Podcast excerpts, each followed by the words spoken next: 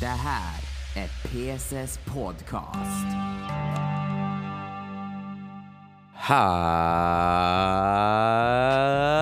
Hallå allesammans och välkomna ska ni vara till PSS Podcast.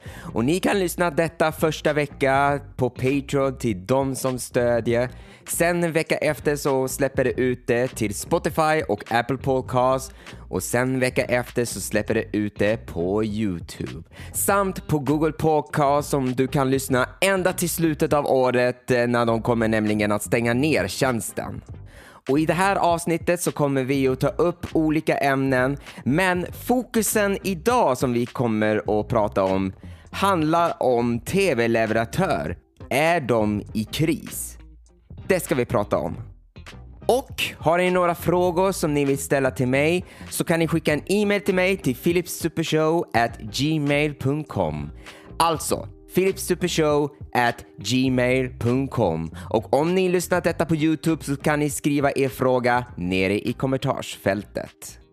Och nu så kommer jag att gå ut till er om specialavsnitten.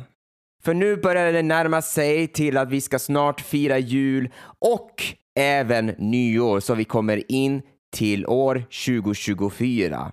Och därför så kommer jag att släppa ut det bästa av PSS Podcast 2023 så vi kan återblicka vad jag har tagit upp för ämnena det här året.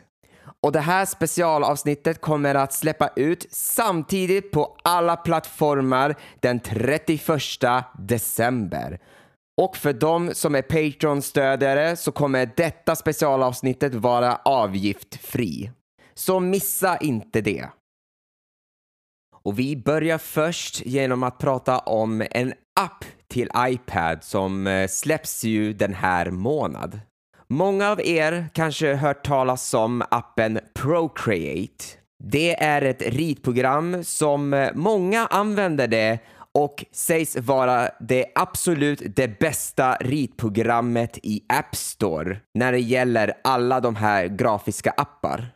Och där kan du nämligen rita och måla det du känner och tycker och har en hel bibliotek med massor av olika penselstilar.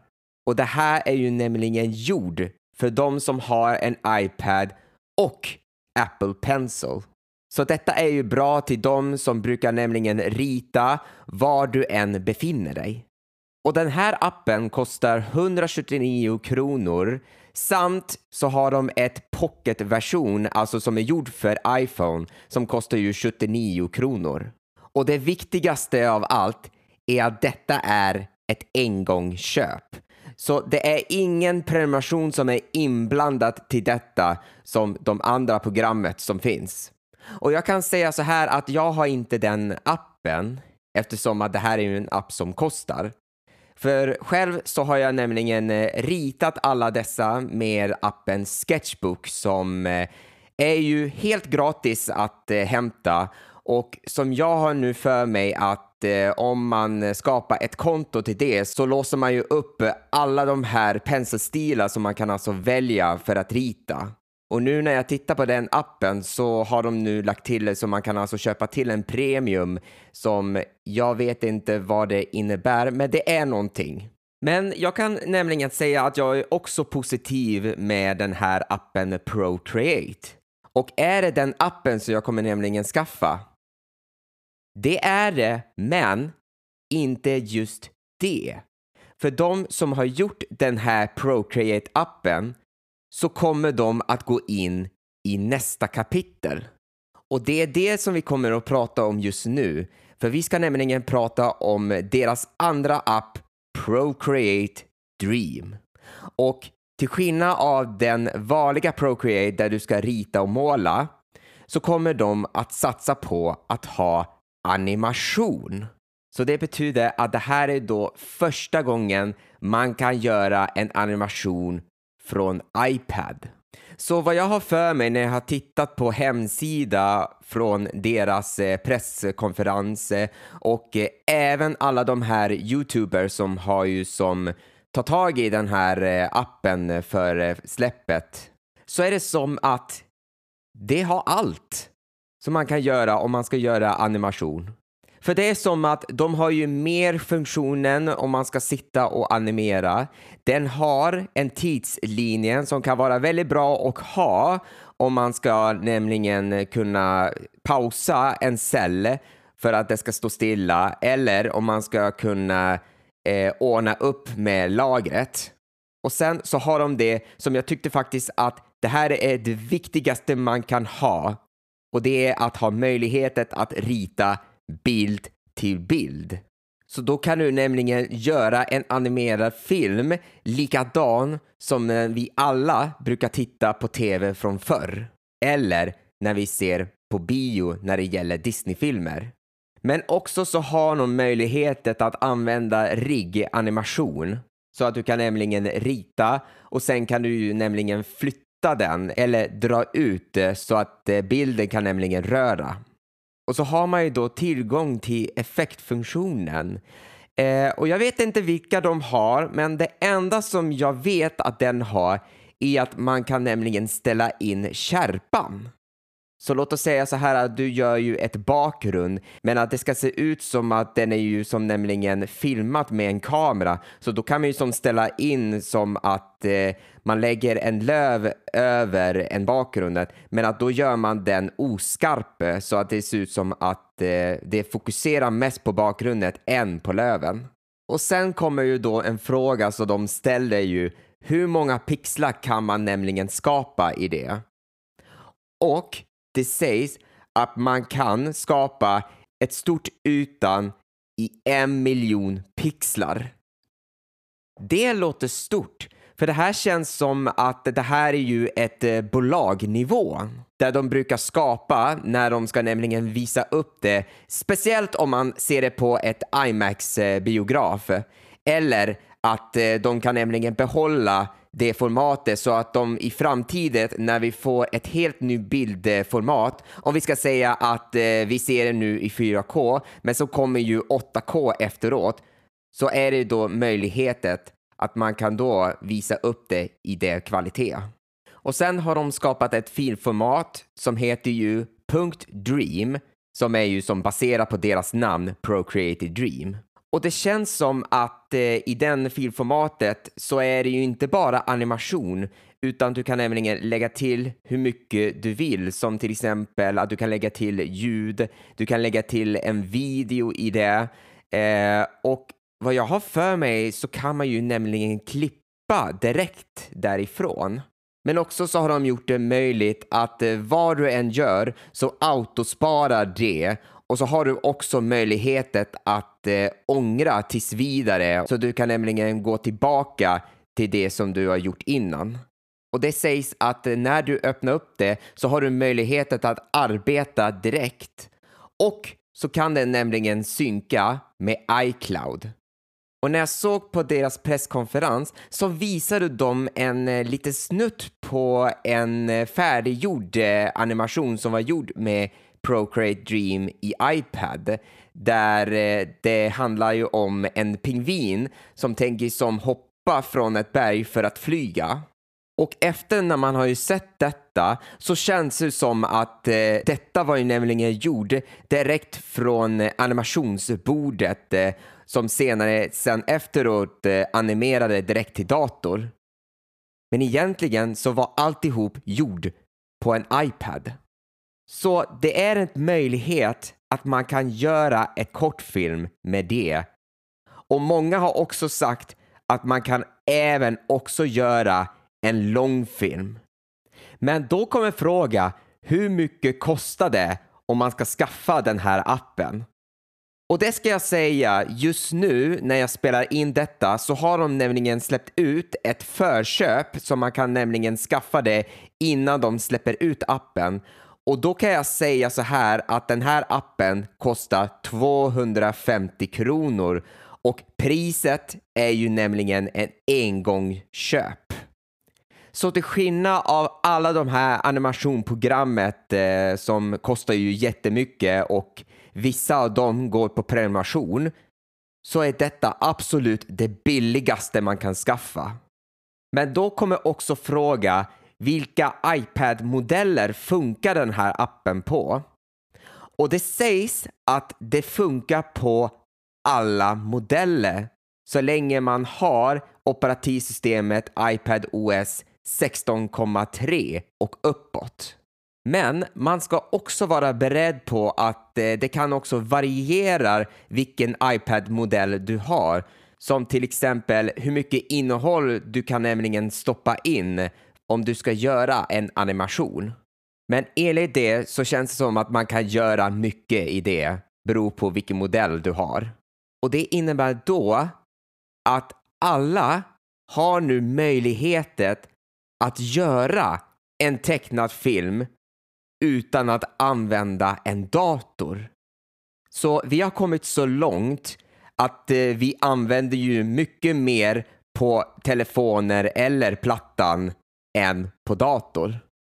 Så jag kommer nämligen att ha koll på det och eh, möjligheten att skaffa det och experimentera eh, vad man kan göra om man ska göra en animation och kanske ha mycket tid att animera nu när jag inte har så mycket tid just nu. Så vi får se hur den här appen kommer att gå och hur det kommer se ut eh, till senare när de lägger till nya funktioner. Och nu går vi in till huvudämnen. För er som har lyssnat på alla avsnitt som jag har gjort så har jag pratat jättemycket om tv och streaming. För det är nämligen en intressant ämne eftersom att jag är ju det som har tittat jättemycket på tv och nu vid den här tiden, alltså när vi är inne på 20-talet, så har det nämligen förändrats med att vi streamar jättemycket. Men innan vi ska prata om det ämnen så tänker vi börja med hur vi kom till det. För i början när vi tittade på TV så hade vi ju då kopplat in det med en antennsladd och då gick ju det analog. Så vad vi än har, om det är en föreningen som håller till eller om vi har en egen antenn eller parabol och hur den är riktad så varierar det hur vi tittar. Och jag minns ju en gång eh, när jag bodde där uppe i Umeå där jag är uppvuxet. Så en gång i mitt kvarter så håller de på att göra en renovation på vägen och då råkar ju självaste grävskopa bryta ett kabel som gjorde så att eh, tvn funkade inte. Så då fick vi inte se på tv i en eller två veckor. Och kan du tänka er hur mycket program vi har missat? Men sen efter analog så kom ju den digitala i början av 2000-talet. Och till skillnad av hur man ser på den analoga om man skulle vilja ha den här digitala så måste man ju så teckna till eh, tv-leverantör som erbjuder digitala kanaler. Och i början så gick de först ute på en digital box eh, där man kunde se de här digitala kanaler som sen kan hända att tv-apparater går över från den analoga till den digitala. Och det var då 2007 så började de med nedstängningen av de här analoga kanaler eftersom att det inte behövs längre och många har nu gått över till den digitala. Men vissa av leverantör har ju hållit kvar de här analoga kanaler eh, som jag kan tänka mig när jag bodde förut på förra stället eh, där i lägenheten så går det ju via Comhem och de erbjuder de här kanalerna analog innan jag skulle skaffa de här digitala kanaler som jag var glad över att jag skaffade en sån här tv-modul så jag inte behövde digital box. Men det roligaste som jag minns när vi hållit på och ska flytta över alla sakerna och eh, jag kopplade in eh, tv och eh, testade så var det väldigt roligt när min mamma satt ju på soffan och tittade på tv och vi kollade från en analog kanal så sa hon Gud vilken ful bild det var. Och det var det med analoga kanaler. Men de har haft det här tills eh, jag kan tänka mig att det var 2021 eh, där de stängde ner självaste analoga kanaler. Så nu går ju alla kanaler digitalt. Men år 2005 så kom det ut ett nytt sätt som man kan titta på de här tv-kanaler som är nämligen IPTV. Och då kan man ju titta på det här tv via internet. Och jag behöver inte rabbla upp eh, allt det här, för jag har ju ändå redan gjort en video om det här med digitalboxar, varför de är så dåliga. Och då tog jag upp eh, om självaste IPTV. Men nu för tiden så handlar ju detta om streaming. Och den har ju haft eh, så länge sedan i början av eh, 2000. Eh, men den har ju blivit bättre till senare där vi kan nämligen välja vilket program vi ska titta på och nu för tiden så släpper de ut det innan det skulle sändas på tv på kvällen. Men vad olika tjänsten har börjat så kan man ju som komma åt de här tv-kanaler. Och anledning eh, varför jag tar upp eh, det här ämnet det har att göra med att senaste så hade ju som TV4 gjort om deras tjänsten TV4 Play där deras andra tjänsten Simor har ju flyttat in i det. Så Simons finns inte längre och så erbjuder de ett helt ny plan där du kan alltså låsa upp eh, alla innehåll som finns där fast du får se det med reklam. Men samtidigt när du betalar den minsta summan som är nämligen 59 kronor i månad så erbjuder de tv-kanaler som fyran, sjuan och tolvan.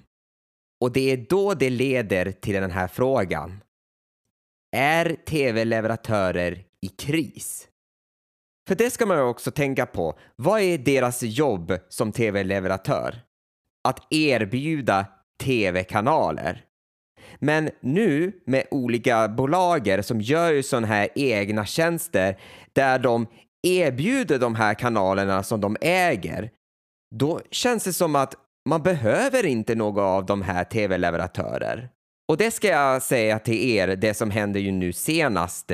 För jag har ju haft eh, den här tjänsten Telia Play, alltså att man kan ju som streama tv-kanaler utan att man behöver de här boxar. Och anledningen varför jag skaffade det var ju att när min kontrakt från min förra lägenhet bröt och jag var tvungen att flytta ut så när jag flyttade tillbaks till mina föräldrar så skaffade jag ju det så att vi behöver inte lägga till ett eh, abonnemang eftersom att det är så jättedyrt. Så då fick jag ju stå med att eh, streama de här tv-kanaler och så skaffade jag en Apple TV så jag har möjlighet att använda det. Och då betalade jag 149 kronor där jag kan nämligen streama tv-kanaler som ettan, tvåan, fyran och femman. Men samtidigt så gick det med HBO Nordic så jag kan nämligen titta på de här tv-programmet som Game of Thrones och filmerna som de erbjuder. Sen var det lite förändringen där jag förlorade HBO Nordic, eh, men jag hade ju då möjligheter att streama de här tv-kanaler. Tills just nu senast så fick jag då ett brev på posten och då skrev de att de kommer nämligen att avsluta den tjänsten som jag använde och sen vill de att jag ska gå över till en stor paket där jag var tvungen att betala dyrare. Och det tycker jag inte att jag vill verkligen göra det. Och det var då jag avslutade med mitt Telia Play-tjänst och gick över till att betala till något annat. Och det innebär då att just nu så är jag helt fri från tv-leverantör. Och det är nu man tänker sig att nu ligger de i kris. För om man tänker på var någonstans man kan kolla på de här tv-kanaler om man väljer att man ska streama. Om vi tar som olika tjänster som SVT Play så kan man ju gå in på fliken kanaler och där erbjuder de ettan, tvåan, SVT Barn, Kunskapskanalen och SVT 24. Sen har vi TV4 Play där du kan titta på vilken tv-program som helst helt gratis med reklam och du kan också även se det helt gratis på de här direktsända program. Men om man skulle vilja komma åt de här tv-kanaler som 4, 7 och 12 då blir det ju att kosta 59 kronor i månad. Sen om man ska se på tv-kanaler som trean, sexan och tia så ska man ju som prenumerera på Viaplay där de också erbjuder filmer och serier. Men om man skulle vilja se det helt gratis så använder man Pluto TV där alla TV-kanaler är TV-programmet som visas hela tiden. Och du kan också när som helst eh, titta på en viss avsnitt. Och sist så har vi Discovery Plus där du kan se på vissa av kanal 5s eh, program helt gratis eh, efter när det har sänt. Men betalar man 59 kronor i månad eh, där man får se på innehållet med reklam så öppnar man ju då allt som man kan ju se och även se de här programmet innan det skulle sändas. Men betalar du 109 kronor så får du se på alla programmet utan reklam. Men du får också med tv-kanaler som femman, nian och elvan. Men om du betalar mer som 149 kronor så får du också med TV4-kanaler. Och det är då man börjar fundera på, är det verkligen värt att ha en tv-leverantör? Jag menar, ska vi verkligen betala för att ha de här tv-kanaler och eh, titta på samma filmer och samma tv-serier hela tiden? Och sen får vi inte glömma bort att det är dyrare att skaffa de här abonnemangen.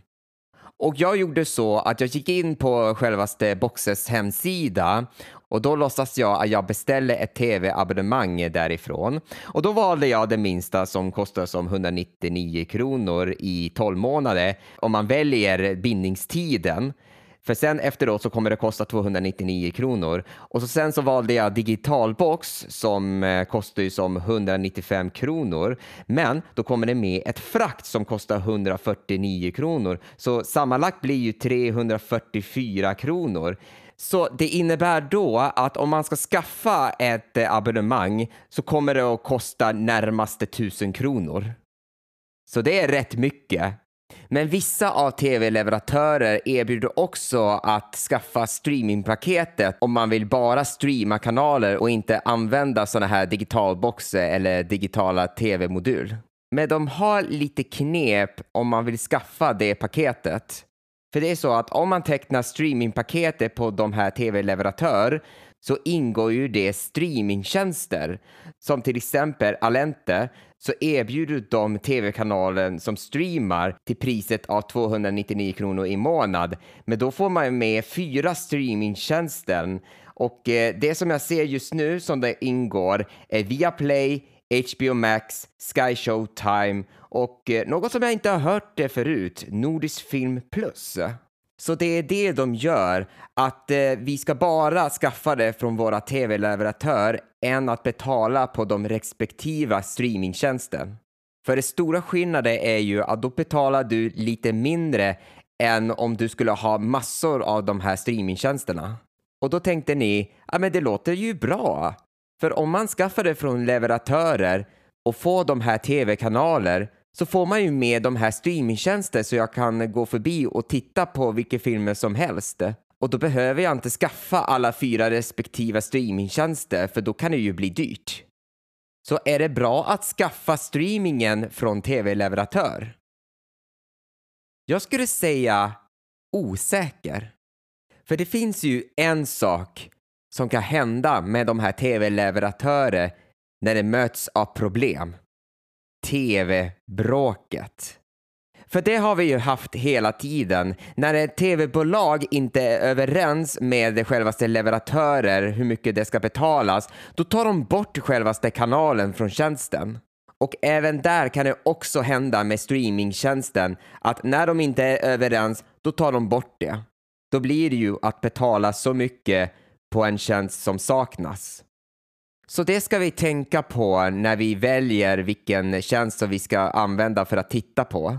Och det är att om vi inte ska förlora de här kanalerna, då är det säkrare att använda de respektiva tjänsten. Vill du vara en del och få tidig innehåll för andra? Då kan du stödja mig varje gång på patreon.com pss. Minsta ni kan stödja är 10 kronor per huvudinnehåll på en månad. När ni har gjort det så får ni se den senaste huvudvideo exklusivt innan den släpps på Youtube och lyssna på ett avsnitt av PSS Podcast en vecka innan det släpps till andra podcastplattformar. Det är det bästa ni kan stödja. Men föredrar ni att stödja mer kan ni göra det och då kommer jag att credda ditt namn i video som tack för att ni har stött detta och att ni kan ta del på exklusiva bonusmaterial bara på Patreon. Så var med att stödja och ta del före andra på patreon.com pss. Och nu är det dags att prata om tv-spel. För i slutet av 2020 så släppte ju Sony Playstation 5. Och det var ju svårt att avgöra om detta konsol blev ju populärt eftersom det släpptes ut samtidigt när vi hade en pandemi över oss och att eh, det har varit eh, brist på alla delar. Så det var ett utmaning för Sony. Och de släppte ju två modeller av det som är ett vanligt Playstation 5 och en digital version av självaste konsolen där det inte ingår en skivspelare som gör konsoler billigt. Vilket gör att vi lever just nu i den digitala världen. Och nu har det gått tre år som Playstation 5 har funnits och nu så släpper de ut ett helt ny modell och det är nämligen en Playstation 5 Slim. Och till skillnad med den vanliga och den här modellen så är självaste konsolen 30% mindre. Mindre så att det ska kunna vara möjligt att det ryms i ditt TV-bord. Och det sägs att det ska ha samma kraft som originalet, vilket innebär då att det kommer att ha samma grafik, samma bildformat och samma sätt när man sitter och spelar. Och jag kan säga att det här är ju inget nytt. För vi vet ju att det tänker ju släppa ett slim-modell. För att det är ju en tradition från Sony att när de släpper ut det originella så kan de efter bara några år släppa ut ett slimmare version av Playstation. Och precis som originalet så kommer det att vara två modeller av det. Ett vanligt Playstation 5 och ett digital version. Och nu ska jag ta upp ett fördel och nackdelen till den här slim-versionen. Och vi börjar med nackdelen och det är att det kommer inte att ingå ett stativ om man ska ha konsolen stående. Så om man skaffar den här konsolen så är det liggande som gäller. Men om du vill ha den stående så säljs ju den här stativet separat. Men nu till fördelen till detta. Och det handlar ju om den digitala versionen av Playstation 5 Slim. För vi vet ju att i den modellen, när man skaffar det, så är det ingen skivspelare i det. Så det enda man kan ju skaffa de här spel är ju att gå in på internet och så laddar man ner det. Så det här är bra till de som är inne med att spela de här spel digitalt.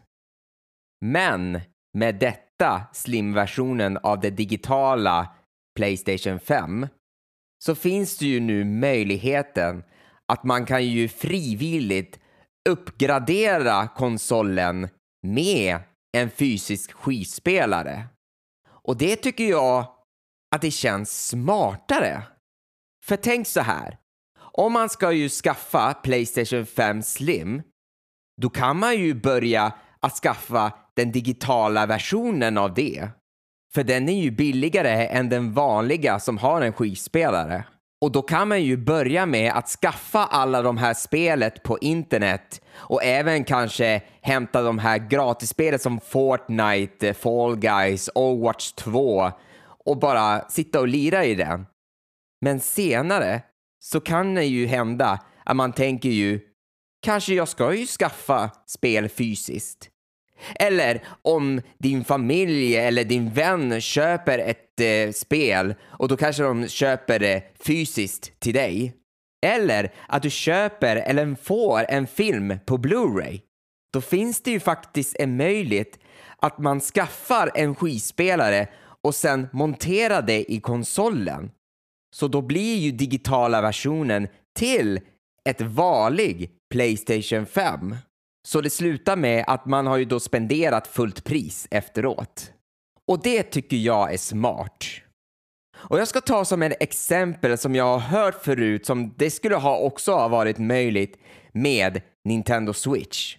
För det var ju som en snack om att eh, det skulle sälja bara konsolen utan att det ingår en dockningsstation för att det ska bli billigt att skaffa det. Det skulle ha varit möjligt. Men det blev inte så. För det blev ju till slut att de släppte ett ny modell som är Nintendo Switch Lite. Där det är bara en konsol, men att det finns ingen möjlighet att koppla till TV. Så jag förstår hela grejen, men jag har tyckt om hur det skulle ha varit med den förra planen.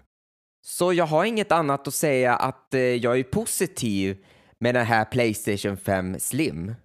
Sen får vi se om de kommer göra samma sak med Playstation 4, att de släpper ett Pro-modell. Och nu så ska ni höra här. Jag har testat Snusmumrik-spelet. För det har ju nu senast släppt ut ett demo på Steam, så alla kan nämligen gå in och testa det innan de släpper ut hela spelet. Och jag hade ju pratat om det här i föregående PSS podcast avsnitt när det skulle göras det här spelet. Så vi kan ju återblicka detta och lyssna på vad jag har sagt. För just nu så är de på gång med ett helt nytt spel och den här gången så handlar det inte om Mumintrollet utan det kommer nämligen handla om Snusmumriken. Och det kommer nämligen att heta Snufkin Melody of Moomin Valley. Och detta ska ju vara en musikaliskt äventyrsspel där man vandrar runt i Mumindalen, lösa pusslet och spela den här munspelet. Och när jag såg den här trailern, alltså på gameplayet på detta, så tycker jag att det här såg ju annorlunda än vad jag minns från min barndom. För det här, det här var ju som en riktig spel detta. Och nu ska jag berätta till er hur jag upplevde när jag spelade detta demo. Så handlingen är ju att eh, det börjar bli vinter och Snusmumriken ska iväg från Mummidalen på ett äventyr. Och så får vi se ett litet montage när han vandrar runt i skogen när det är vinter. Sen så är våren kommen och så återvänder han till Mumindalen och därifrån så börjar man ju spela. Och det ska jag berätta sen hur det är. Men eh, vi hoppar ju nu över till slutet på demon. Och det är att när han kommer till självaste bron där han och Mumintrollet brukar ju hänga så märkte han att han inte är där och att det inte finns vattnet på bäcken. Och så slutar demo. Men nu till spelet. Grafiken till detta är ju både i 2D och 3D. Alltså att karaktären på varelse och snusmumriken när man spelar så är de i 2D men att självaste bakgrundet är ju i 3D. Så man kan ju se när man vandrar upp att marken närmar sig framåt. Och musiken är ju atmosfärisk. Jag har aldrig känt så lugnt eh, när jag satt och spelade. Sen så tycker jag att det är mysigt eh, när man läser på de här dialogen. Ja, för oss som vi har varit uppvuxet med när vi har tittat på i Mumindalen tv-serien och så är spelet översatt på svenska. För att läsa detta så hör man ju den här finlandssvenska dialekten. Så jag hade ju som suttit och läst på de här dialogen med deras röster och det hade ju låtit så här som Ska du iväg, snusmumriken? Ja, jag ska iväg på ett äventyr. Tycker inte att det låter mysigt när man hör det.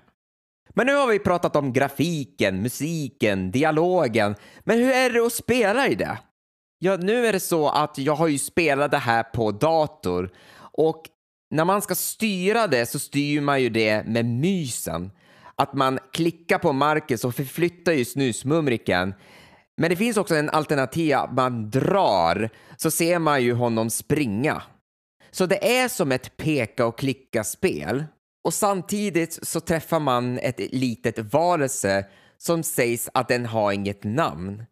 Men han får det senare. Och det är också så att eh, man ska också lösa ett pusslet och Eh, försöka plocka de här stenarna och placera dem. Speciellt om man ska gå över bäcken så kan man ju plocka en sten och placera det så kan man ju hoppa över det.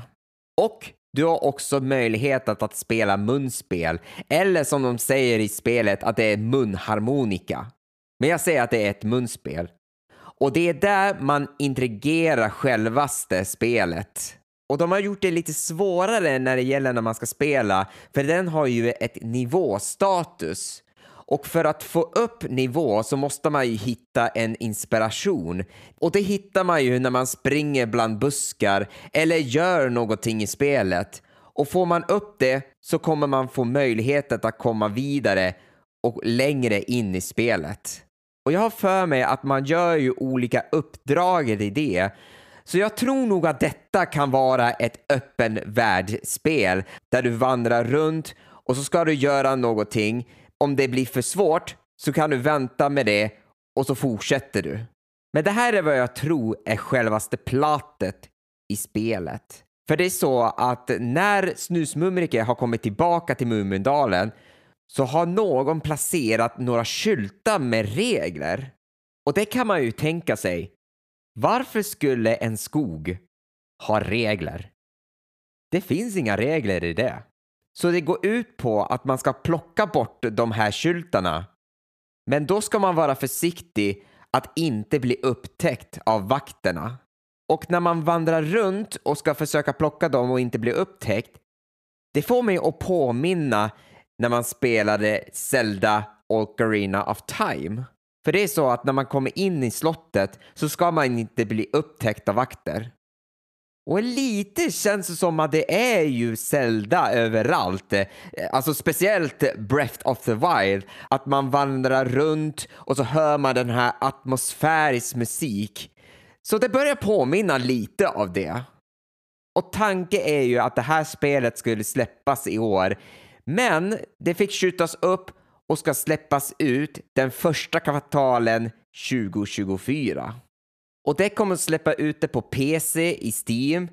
Men som jag har väntat på så kommer de att släppa ut det till konsoler och det första som de gick ut är att det kommer nämligen att släppa ut det till Nintendo Switch. Men jag tror också att det kommer också att släppa ut det till Playstation och Xbox. Och det här får mig att tänka på en sak efter jag har spelat det här demot. Det här skulle ju som passa bra till PSS Live.